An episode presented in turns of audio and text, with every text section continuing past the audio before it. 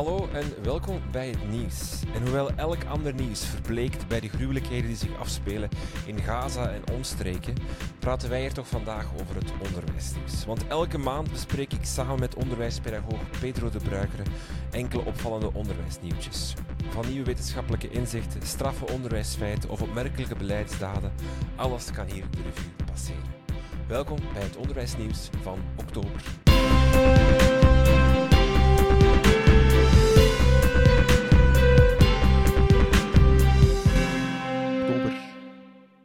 Dag Pedro. Hey, dag Rinke, hoe gaat ie? Goed, en met jou? Dat gaat, we hebben weer een maand overleefd. Kom aan, weer eentje erbij. Eh, er is eigenlijk wel veel gebeurd. Ook al komen we zo'n beetje uit die ehm, eh, eerste schooldag-vibe, zal ik maar zeggen. Het stond er in, het begin, van het schooljaar heb je altijd heel veel nieuws, heel veel nieuwigheden, heel veel dingen die besproken worden, media, veel aandacht. Maar ook zelfs nu in oktober, we hadden... ehm, de onderwijsinspectie heeft een slecht rapport gekregen. Eh, in Frankrijk is er van alles aan het gebeuren over invulboeken die verboden worden. Ehm, dus het, het blijft wel gaan, het onderwijsnieuws. Maar voor mij, het nieuws van deze maand is... Jij zit op TikTok. Eh, Ja, ja, het is in feite de schuld van Dan Willingham. Eh, Dan Willingham Ja. is ermee gestart en ja, dat heeft mij overtuigd om het ook eens te proberen. Maar het is vaak ook wel om een, om een heel specifieke reden. Ja, ik kan wel allemaal mooie dingen verzinnen en schrijven en zeggen over hoe dat je moet studeren. Maar we eens eerlijk zijn, de, de kans dat, dat leerlingen of studenten mijn boeken lezen, is heel klein. Ehm, en dus heb ik gedacht van, kan ik eh, onderwijstips geven in bite-size, kleine, korte video's? En voorlopig lijkt het te lukken. En er zijn zelfs mensen die de weg naar die video's vinden. Ik had het niet verwacht. Wel Kijk. gehoopt.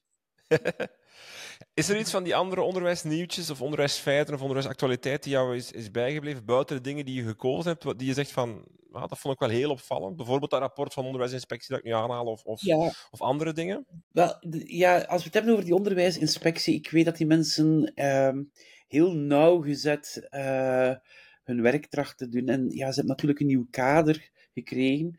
Maar ja, die balans zoeken tussen aan de ene kant begeleiden, maar aan de andere kant corrigeren, is, is wel... Ik denk dat dat een, een, een normaal proces is, dat men dit nog een stukje aan het zoeken is. Ehm, en ik moet eerlijk bekennen, ik vond de, de ideale wereld misschien nog wel de, beste. En ik, ik zag een paar wetenschappers die eh, online meegaven eh, voor hun collega Jan van Hoof van nu heb je het gemaakt als uw rapport de inspiratie is voor, de ideale wereld. Ik bedoel, enkel maar mijn trui is ooit een onderwerp geweest, mijn, eh, mijn hoodie in de ideale wereld, maar nog nooit iets inhoudelijks. Dus heads off ehm, Jan van Hoof. We zullen de sketch in de show notes zetten. Wat je wel hebt gekozen is eh, een film. Een onderwijsfilm. Of je wil eigenlijk algemeen iets over onderwijsfilms zeggen.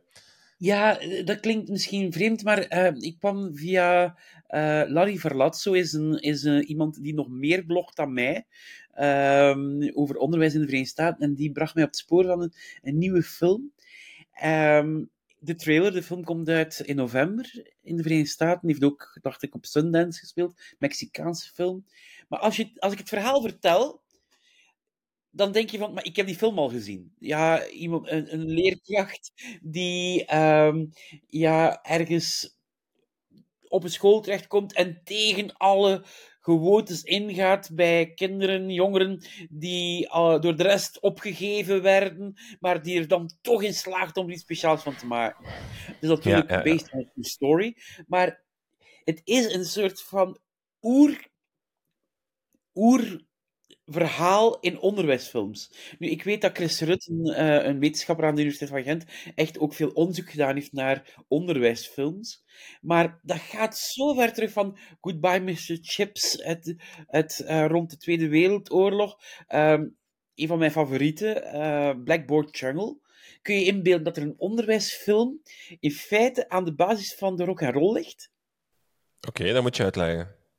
Ja, Blackboard Jungle, dat was een film die uitkwam Ehm, waarbij er rellen uitgebroken zijn in de cinemas. Waarbij, we spreken dus over de jaren 50, waarbij dan mensen begonnen te vechten. En eh, we hebben er een wereldberoemd rock and roll nummer aan te danken, namelijk Rock Around the Clock. Wat het titelnummer was van die film. Oké. De opening. Eh, het is, het is zo'n soort van Dead, Dead Poet Society-achtige vibe. Hè. Een leerkracht komt binnen, onconventioneel. De film heet Radicaal ook trouwens. Hè. Dus van een, een, een leraar in een Mexicaanse stad, sloppenwijken, corruptie en tal van dat soort dingen. En hij komt daar dan binnen om op een andere manier te gaan lesgeven en het potentieel van die kinderen te bereiken. Hij- onderwijs zit al jaren vast. Het wordt letterlijk gezegd in die trailer. Onderwijs al honderd jaar vast in hetzelfde stramien. We moeten dat doorbreken. Ik krijg er wel Ja, altijd een beetje ja, ongemakkelijk gevoel bij, denk Als ik zo... Ik, ik, ik denk dan altijd van... Ja, wel, ik, ik- ik merk bij mezelf dat ik daarin veranderd ben. Ik, bedoel, ik heb veel van die films gezien en ik, ik, ik, ik, ik herinner me het moment dat eh, professor Frank Simon aan de Universiteit van Gent Dead Poet Society, een van mijn favoriete films, compleet de nek omgevrongen heeft. En, en mij op een andere manier naar die films heeft doen kijken.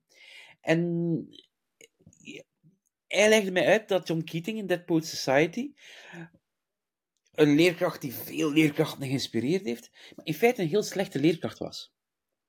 En dan had hij het niet over didactische, maar had hij over het pedagogische. Wat was namelijk gegeven, volgens Frank Simon, dat, er, ehm, dat hij John Keats heel veel initieert, heel veel start bij zijn leerlingen, maar nooit verantwoordelijkheid opneemt. En in feite van die verantwoordelijkheid een stuk wegloopt. En ja, dan wordt natuurlijk Captain My Captain een heel dubbelzinnige boodschap. En ook hier, kijk, wat al die leerkrachten met elkaar gemeen hebben, is een ongebreideld enthousiasme. En, en we weten dat passie en enthousiasme enorm besmettelijk kan zijn. En soms ook kan compenseren voor andere zaken.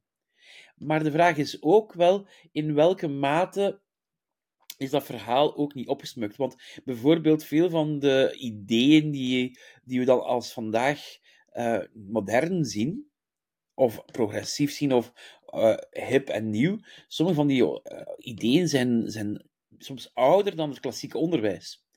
Wat in beide gevallen voor mij geen, geen disqualific- disqualificatie is van het idee. Het is niet omdat iets oud is fout is, maar je merkt gewoon dat dat ja, zeer ja, zoals je zegt, bijna makkelijke verhalen worden. Aan de andere kant, de man heeft ook veel kinderen in Mexico goed onderwijs gebracht en hun leven veranderd. Maar aan de andere kant, laten we eens eerlijk zijn, heel veel leerkrachten veranderen de levens van kinderen. Alle leerkrachten veranderen de levens van kinderen. Maar soms wat minder spectaculair. Want ik heb vaak het gevoel bij dat soort films dat, dat die leerkrachten ook, ook zo. Ja, ook heel vaak methodes toepassen die, die al wetenschappelijk bewezen niet werken. Zo ontdekkend leren of, of zo uh, belevingsleren. Zo van, we gaan naar buiten en we gaan het voelen en doen. Terwijl hè, bijvoorbeeld de directe instructie, wat misschien ook heel saai is om in beeld te brengen, wat ik hè, de regisseur wil geven, maar komt daar niet aan bod of zo. Dat zie je dan niet gebeuren van, jongens, we gaan nu even drillen of we gaan even ik ga het even uitleggen, doseren en daarna gaan we... Zo, dat zie je daar niet in. Het is, het is allemaal heel romantisch, wat ik snap. Hè. Het is natuurlijk fictiefilm, of het is, een, het is een, een, fictiefilm. Maar daarom schuifel ik op mijn stoel als ik naar zo'n film kijk van een leerkracht die, die eindelijk eens gaat tonen wat onderwijs wel kan zijn. Terwijl ik dan soms denk, het is een beetje oneer doen aan het beroep soms, van dan hoe, hoe theoretisch of technisch het eigenlijk wel is. Ja, wel, ik, ik, dat, ja, dat was ook een van de redenen waarom ik die post geschreven heb. Maar ik wou me niet uitspreken, hm. zo radicaal als jij... zo radicaal als jij nu gedaan hebt. Maar, maar het klopt wel. En er is wel een, een idee bij veel mensen dat um, dit onderwijs dat je dan ziet in die romantische visie... En het is wel ook echt... Zelfs een romantische visie, als je het historisch-filosofisch bekijkt, het gaat terug op het denken van Jean-Jacques Rousseau. Ja, nu pedagogisch... Nu, nu scoor ik op de pedagogische schaal. En, uh, um, maar we weten dat een dergelijke aanpak veralgemeend bijvoorbeeld de ongelijkheid kan vergroten. Net ja. soms het tegenovergestelde van wat in die, die films aan bod komt. Misschien moeten we wel, en, en dat is een brugje, hè, een brugje naar een volgend onderwerp, misschien moeten we wel een keer kijken of er geen film kan gemaakt worden over Michaela, die, die net een omgekeerde keuze gemaakt heeft.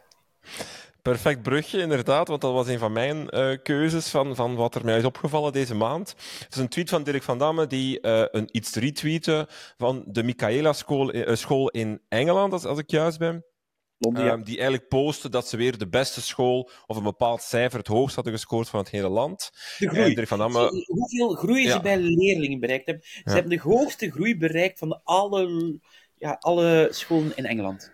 Ja, en maar die school die komt te pas en te onpas, of die komt vaak aan bod als een soort van gidsschool, een school die het heel goed doet. Uh, er is ook vaak heel veel kritiek op. Kan jij misschien even schetsen, wat voor school is het? Wat maakt hen uniek? Wat doen ze? Ja, eh, de school heeft de bijnaam als de strengste school van Engeland. Eh, ze wordt geleid met de harde hand door een headmistress, Catherine. En ik heb die school bezocht. Ik ben er geweest en elk vezeltje in mij wou die school, als ik naartoe ging, slecht vinden. Ehm, maar die school behaalt enorme. Zij maken ongelijkheid een stuk ongedaan. Zij werken met de armste leerlingen van Londen. Eén op vier kinderen zou bij ons in het buitengewoon onderwijs zi- zitten.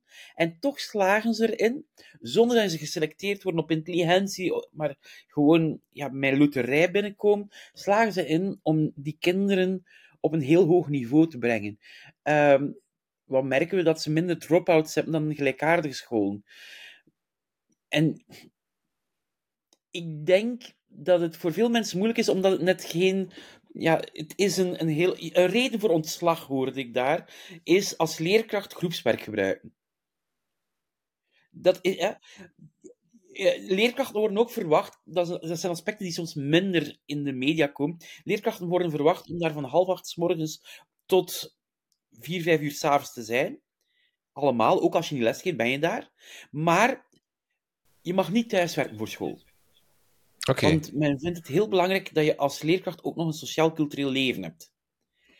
Eh, leerlingen moeten elke twee weken een boek lezen en worden dan ook getest op dat boek. Maar alles staat in het teken van uw afkomst gaat uw toekomst niet bepalen.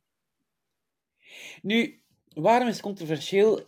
Het is een, een, een heel aparte school, laten we eerlijk zijn. Ehm, en ze hebben ook dingen gedaan die ook in de discussie online kwam. Bijvoorbeeld, eh, de, de warme maaltijd, een gezonde warme maaltijd, is essentieel. Maar als ouders die warme maaltijd niet kunnen niet betalen, terwijl men weet dat het wel kan, dan worden de kinderen gestraft door ze apart te zetten. Sorry, maar als pedagoog denk ik, ook als mens denk ik van, "Ah, nee, dat is niet zo oké.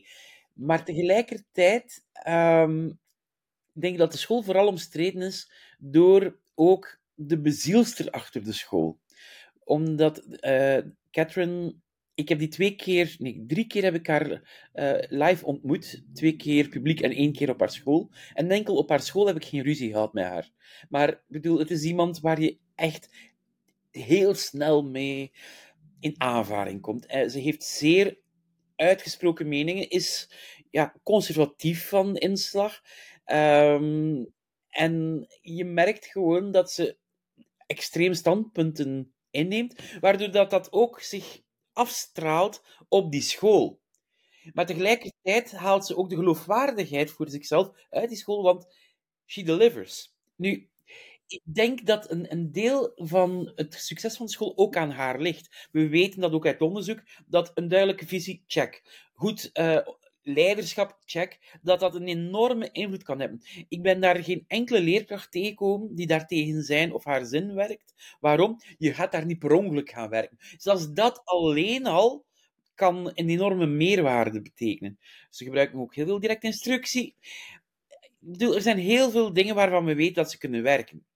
Het enige wat ik hier een beetje stoorde in de discussie is dat mensen zich soms te veel laten leiden door de berichtgeving, terwijl dat ik ter plekke ook wel andere nuances gezien heb die soms hier minder verloren gaan. Bijvoorbeeld, er kwamen vragen bij, ja, leer die kinderen wel kritisch denken? Mijn antwoord is ja. Ik bedoel, dat is een, een wezenlijk onderdeel van de dag. Als we gaan kijken naar eh, die verplichte maaltijden, die warme maaltijd, ook omdat dat een manier is om, om ja, ze hebben een meer uitdagend publiek, dat die kinderen ook aan een warme, gezonde maaltijd kunnen geraken. Maar tijdens die maaltijd is er ook aan elke tafel een volwassene. Soms zijn dat bezoekers, soms zijn dat leerkrachten, maar iedereen doet dat. Ook ja, van hoog tot laag in, in, in de schoolorganisatie. En dan wordt er aan die tafel over een onderwerp gediscussieerd. En dan is het heel belangrijk dat iedereen beargumenteerde standpunten inneemt. Terug, er is beperkte vrijheid, want het onderwerp wordt opgelegd. Ja. Ja, maar ze moeten wel echt erover nadenken. En ze worden echt net gestimuleerd. Het onderwerp wordt opgelegd, het, uh, het denken over het onderwerp wordt niet opgelegd. Het klinkt niet als, want dat werd ook in de discussie aangehaald, het, soort van uh, effectieve school versus warme school. Zo, het, het, het, dat ding, is, is, is dat iets wat, wat misschien bij mensen een beetje um, ja, botst of zo? Van, hoe kan het dat die sociale ongelijkheid gedaan maken en tegelijkertijd hoe kunnen ze zo ja, kil overkomen in de strengste school, uh, onderwerpen opleggen waar je over moet praten, geen groepswerken, allee, zo, dat soort dingen. Klinkt heel kil, heel koud, hè? Ja, en als je daar dan rondloopt, uh, valt u op hoe stil de school is. Maar tegelijkertijd, kijk, als je op bezoek gaat omdat daar hele slechte ervaringen mee zijn, mag je niet vragen aan de kinderen of ze er graag zijn. Waarom? Omdat ja, ze wil niet hebben dat er discussies met de kinderen daarover komen. Um, dus wat heb ik gedaan? Ik heb toen ik bezocht heel lang nagedacht over een alternatieve vraag. En ik heb gevraagd aan de kinderen: zou je je eigen kinderen naar deze school sturen? En wat zeiden ze? Op eentje na, allemaal ja. Ja. En ik merk wel, omdat heel die school ademt één ding uit. Wij willen dat jij vooruit gaat in het leven. Niet noodzakelijk dat ze rijk of beroemd of zo wil worden. Ze willen wel heel veel kinderen echt naar de topuniversiteiten krijgen, waar normaal gezien zij nooit zouden binnengeraken. Maar 11% geraakt er ook binnen.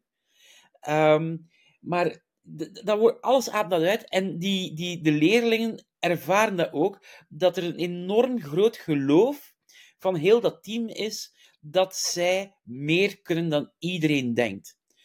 En dat is dan niet vanuit een soort competitiegeest, maar een heel groot geloof in die kinderen. En dat is een ander soort warmte, maar um, die warmte ervaar je wel. En wat ook wel is, en dat is iets dat we in ons, ons, onze regio minder kennen, maar die hebben dat typisch wat je soms in landen ziet, waarbij dat kinderen zich echt ook identificeren met een school. Waarbij dat je echt denkt van, die school is een stuk van van mijn identiteit. En daar zijn ze trots op. Ja. Ook omdat ze waarschijnlijk zo uitgesproken en zo, zo duidelijk en zo helder en zo, zo, zo extreem ook zijn, dat ze, dat ze waarschijnlijk ook ja, tegenover anderen staan of zo. Het zal er wel toe bijdragen, hoop ik. Het kan ertoe, niet noodzakelijk, ik weet niet of die kinderen uh, echt zich afzetten tegen anderen. Ik bedoel, het is niet dat ze zich beter voelen, ik denk niet. Uh, wat ik vooral merkte, en, en dat was in de gesprekken dat ik met die kinderen voerde, keihard. Uh, ik sprak verschillende kinderen die het derde of het vierde kind in een gezin waren. En die zeiden van, ja, mijn mama heeft me naar deze school gestuurd, maar ik wou zelf ook komen, omdat ik, ik heb al een broer verloren door een gangwar. Uh, ik heb zoveel zien misgaan. Ik wil niet dat dat mij overkomt. Ik wil een echt leven. Um, of een, een, goed leven. En ja, dat, ik bedoel, als je dat hoort uit een twaalfjarige, sorry, dat komt binnen hoor. Ja, en dan zien we weer in, in, in, in, in zo'n filmverhaal. Hm. Eh, wat ook in die discussie valt dan, als dat zo gaat over een heel goede school die, die, die delivered, zal ik maar zeggen, is gidsland of gidsschool. En we moeten dat hier in Vlaanderen ook doen. Of wat, wat, kunnen we meenemen naar Vlaanderen? Vorige keer, een maand geleden, hadden we het over Finland. Over hoe dat we dat tien jaar geleden als gidsland benoemden. Toen zeiden we, oei, oppassen dus, want eh, nu blijken de resultaten helemaal tegen te vallen ik heb hetzelfde gevoel altijd. Sindsdien heb ik het gevoel, als ik het woordje gidsstand zie staan, oei, pas op jongens, want over tien jaar, over vijf jaar kan het blijken dat het toch allemaal niet waar was. Want je hebt me toen gezegd, onderwijsbeleid, laat zich maar voelen over vijf jaar, over tien jaar, over twintig jaar soms. Wel, hier, als we het hebben over scholen, een van de grootste uitdagingen in onderwijs is altijd het opschalen van een idee.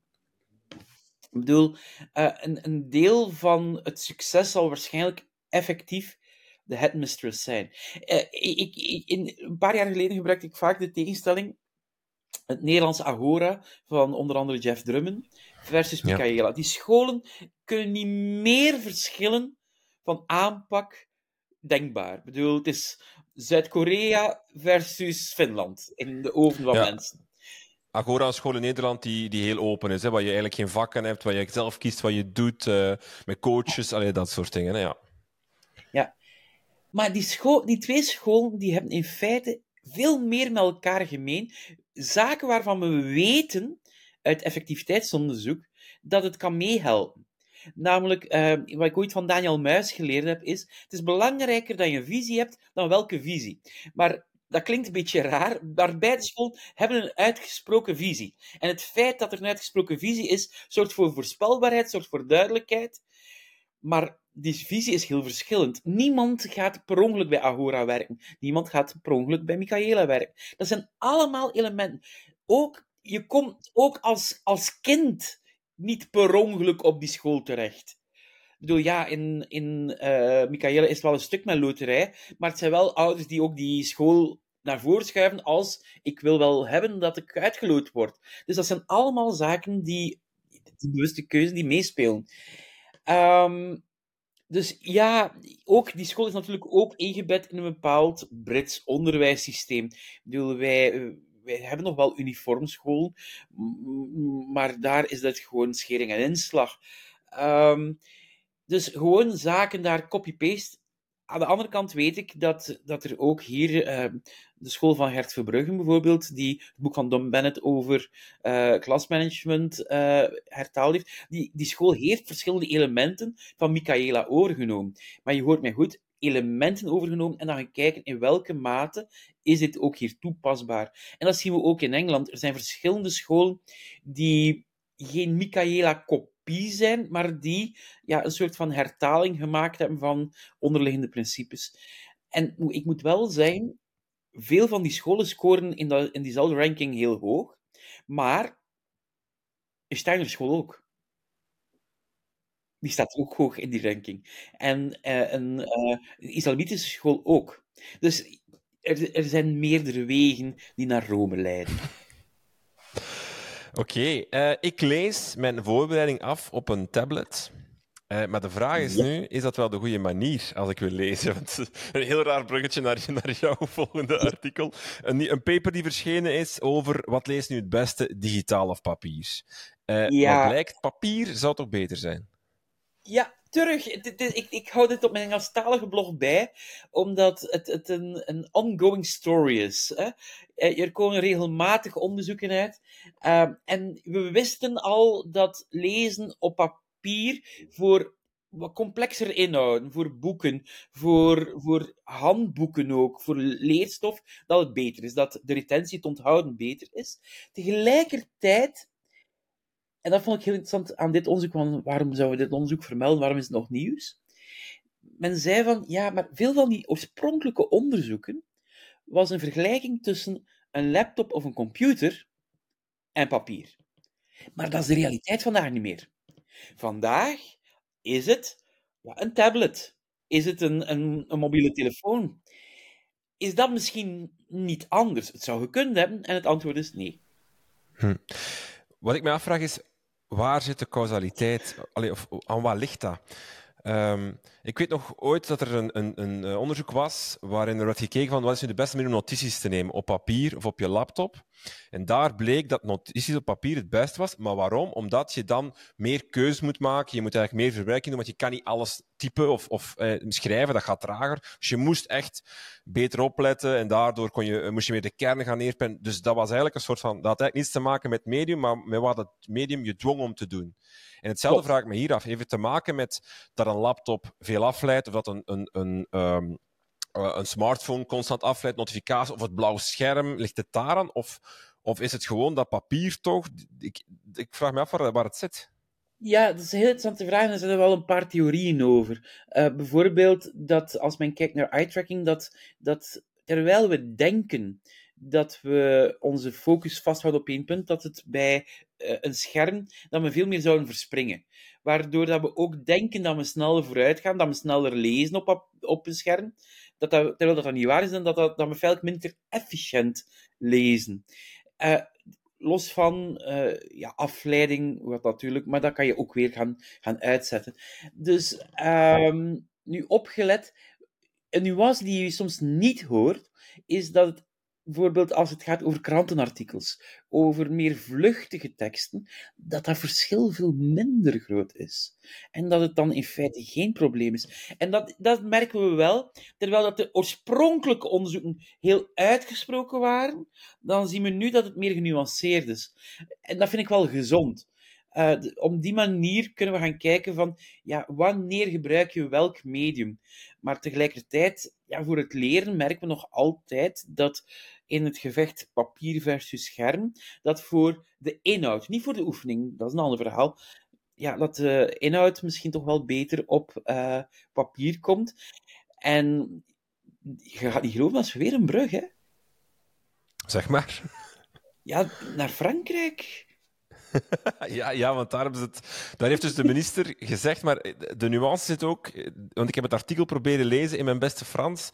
Eh, hij beveelt het aan, maar ik weet niet wat hij het echt verbiedt. Dat is nog een discussie. Hè? Ja, dus... dat, is, dat is een beetje hoe dat het hier, hier begint vertaald te geraken. Het is een beetje hetzelfde verhaal van Zweden, waarbij dat de, de regels ook wel in de buitenwereld strenger lijken dan dat het daadwerkelijk ook was. Maar um, het woord wat menig ouder, menig denker over onderwijs het schuim op de lippen kan doen krijgen, zou verboden worden. De invulboeken, ja. Zouden verboden worden in, in Frankrijk. Of toch voor alle duidelijkheid, er is een aanbeveling, want het is hier nieuws geworden, terwijl dat in feite al een bericht was uit september, de, waarin dat een tekst kwam. Um, ja, nieuws gaat soms traag in de onderwijswereld. Um,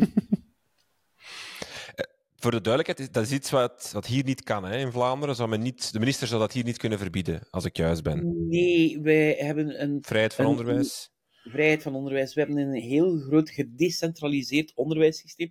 We hebben één ding heel erg centraal, en dat is de lonen van, van leerkrachten, van jou en van mij, worden centraal uitbetaald. um, ja, nee, ik bedoel, in, in veel andere landen vinden ze dit ook zeer verrassend.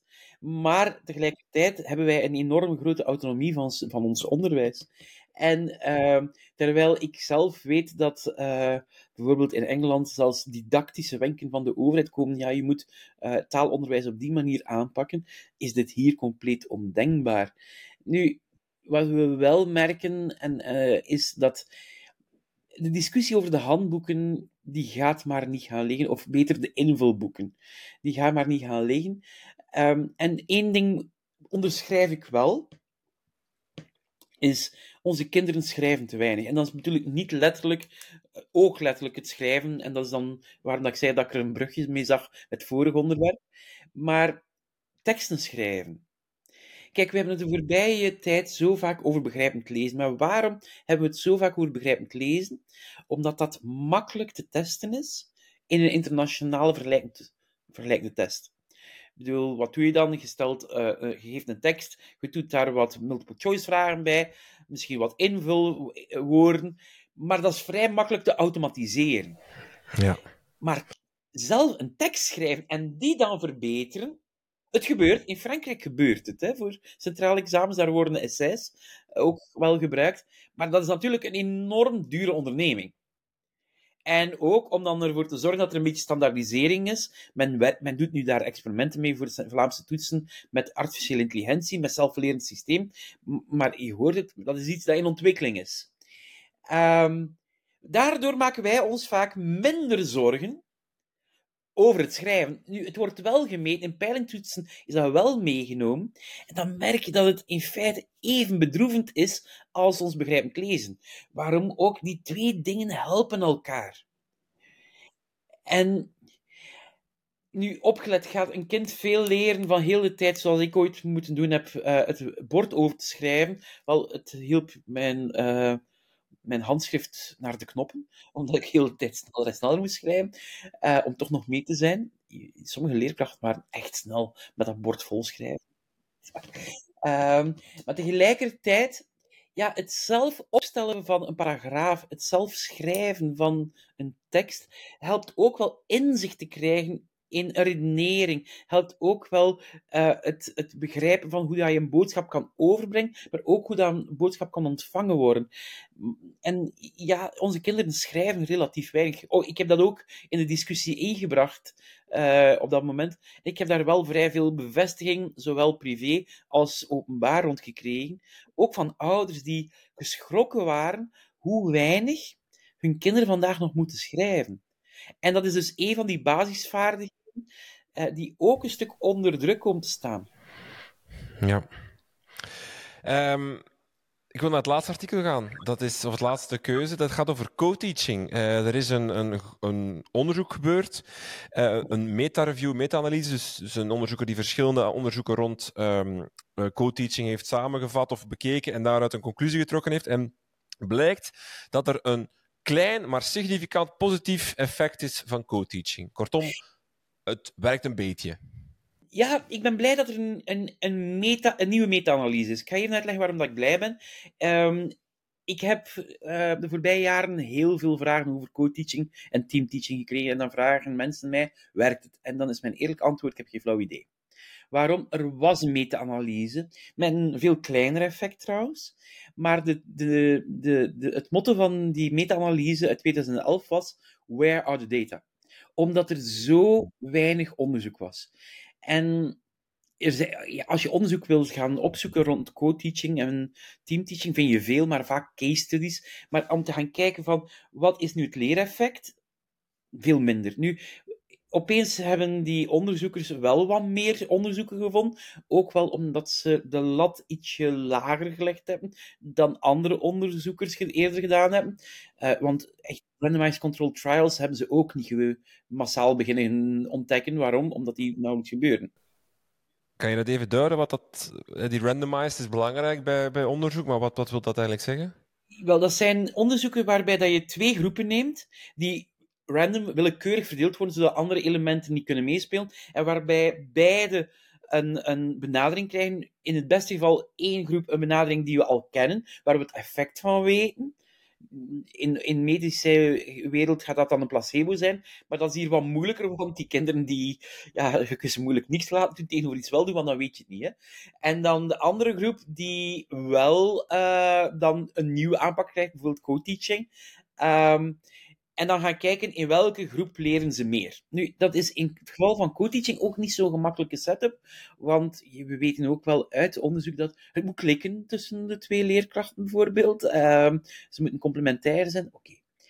Nu, ze komen uit, de onderzoekers noemen het zelf een moderate effect, een gemiddeld, uh, ja, een, een gematigd effect ik vroeg me dan af wat, dat ze zouden gebruiken voor een klein effect, want het is 0,11 en ik vond dat nu niet zo'n gigantisch goed effect. Maar er was iets heel anders dat ik uit het onderzoek haalde, dat, dat mij wel frappeerde. Namelijk, uh, die 0,11, die vonden ze over de verschillende vakken heen, over de verschillende jaren heen. Enkel in de laatste jaren van het leerplichtonderwijs zou het minder effect hebben. Maar als ze twee soorten van co-teaching met elkaar vergeleken, hadden ze ook geen verschil. En dat is misschien het belangrijkste inzicht uit dit onderzoek. Namelijk, als je co-teaching hebt met twee um, ja, opgeleide leerkrachten, volwaardige leerkrachten, sorry voor het woord, ga direct begrijpen waarom ik mij nu excuseerd heb, of je neemt een leerkracht met een onderwijsassistent. Dat is iemand die geen volwaardige lerarenopleiding afgerond heeft. Die maar voor bepaalde aspecten opgeleid is. Ja? In beide gevallen was de effectgrootte 0,11. Dus dat in feite maakte het niet uit of je met twee volledig opgeleide leerkrachten zat, of met één opgeleide leerkracht met een teaching assistant. En dat is misschien geen slecht nieuws. Want dit kan betekenen, ja, die tweede optie is, laten we eerlijk zijn, goedkoper en ook wel een stukje makkelijker te, op te, vinden dan twee leerkrachten. Uh, en dat geeft mij wel wat hoop. En ook, uh, we weten onder andere vanuit uh, onze Britse collega's van de Education Endowment Foundation, ja, dat er wel ondertussen ook wel veel geweten is hoe we die teaching assistants, die onderwijsassistenten, um, ja, heel heel effectief kunnen inzetten in het onderwijs. Ook daar weten we, los van co-teaching, weten we ook al wel wat meer over.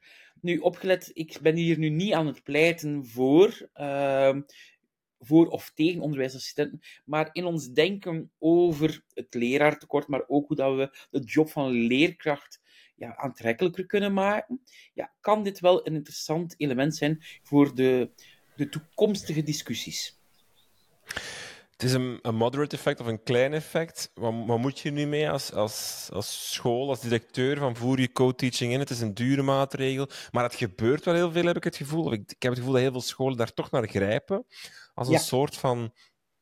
Um, want daar wil ik misschien ook over hebben. Is, ik heb het gevoel dat co-teaching, maar verbeter me als ik fout ben, dat co-teaching heel vaak gebruikt wordt omdat er signalen komen vanuit de leerkracht of vanuit het korps. We kunnen het alleen niet meer aan.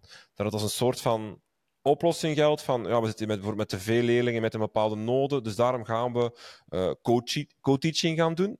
Ik vraag me eerst af of de juiste oplossing is. Um, en twee, is, is het wel een oplossing als je ziet dat het maar een klein effect heeft en dat er nog heel weinig onderzoek rond is? Misschien kunnen we het nog niet zeggen eigenlijk wat er al effect is. Het, het, het, goede nieuws is dat er ook hier in Vlaanderen nu een, een, een, de komende jaren een heel groot, echt groot onderzoek hierover gaat lopen om effectief die, die, uh, het leereffect te meten, bij mijn weten. Dus dat is een goed nieuws, dat het onderzoek ook echt gaat gebeuren, nu ook hier, zodat we daar beter zicht op hebben. Um, ik ben nooit tegen dat scholen experimenteren, want een van de grootste lessen die ik de voorbije 15 jaar geleerd heb, dat ik met dit onderwerp bezig is, hoe wij, hoeveel, over hoeveel dingen we in feite niet veel weten. Um, ik had vandaag nog met uh, collega-onderzoekers van onder andere Thomas More, maar ik heb de voorbije dagen heel veel onderzoekers gesproken.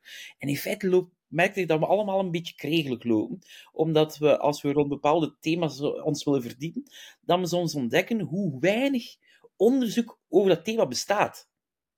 En dat is dus niet enkel voor co-teaching en teamteaching. Dus dit is nu niet de onderzoeker die pleit voor meer onderzoek, maar er is veel in ons onderwijs waar we nog relatief weinig over weten. Er zijn veel dingen dat we ook veel over weten, maar toch. En dus ik snap dat, dat scholen experimenteren. En, en ik ben daar niet tegen. Het enige wat ik soms wel bedenk is, de ene maatregel kost veel meer dan de andere. En ik hoor soms te weinig een, een kosten-batenanalyse. Nu, opgelet, je zei daar bepaalde noden. Ik, ik merk ook dat verschillende scholen het gebruiken, uh, in het kader ook van leersteun, in ja, het OM-decreet, dat het daardoor, ja, ook omdat daar in een, een rol kan spelen. En dat, ik hoor wel ook veel pleidooien, ook vanuit de orthopedagogische hoek, om, om dat op die manier te doen. Ik heb nu de nadruk in heel ons verhaal op, op het leereffect gelegd. Maar onderwijs, leren is daar essentieel in, maar niet het enige. Oké, we zijn er door. De maand oktober neergelegd, uh, zou Ivan de Vadder zeggen in de afspraak, om even te quoten. Um, wat brengt de maand uh, november voor jou, Pedro? Uh, november brengt mij veel in het buitenland. Um, ja, ik, ehm, ik mag.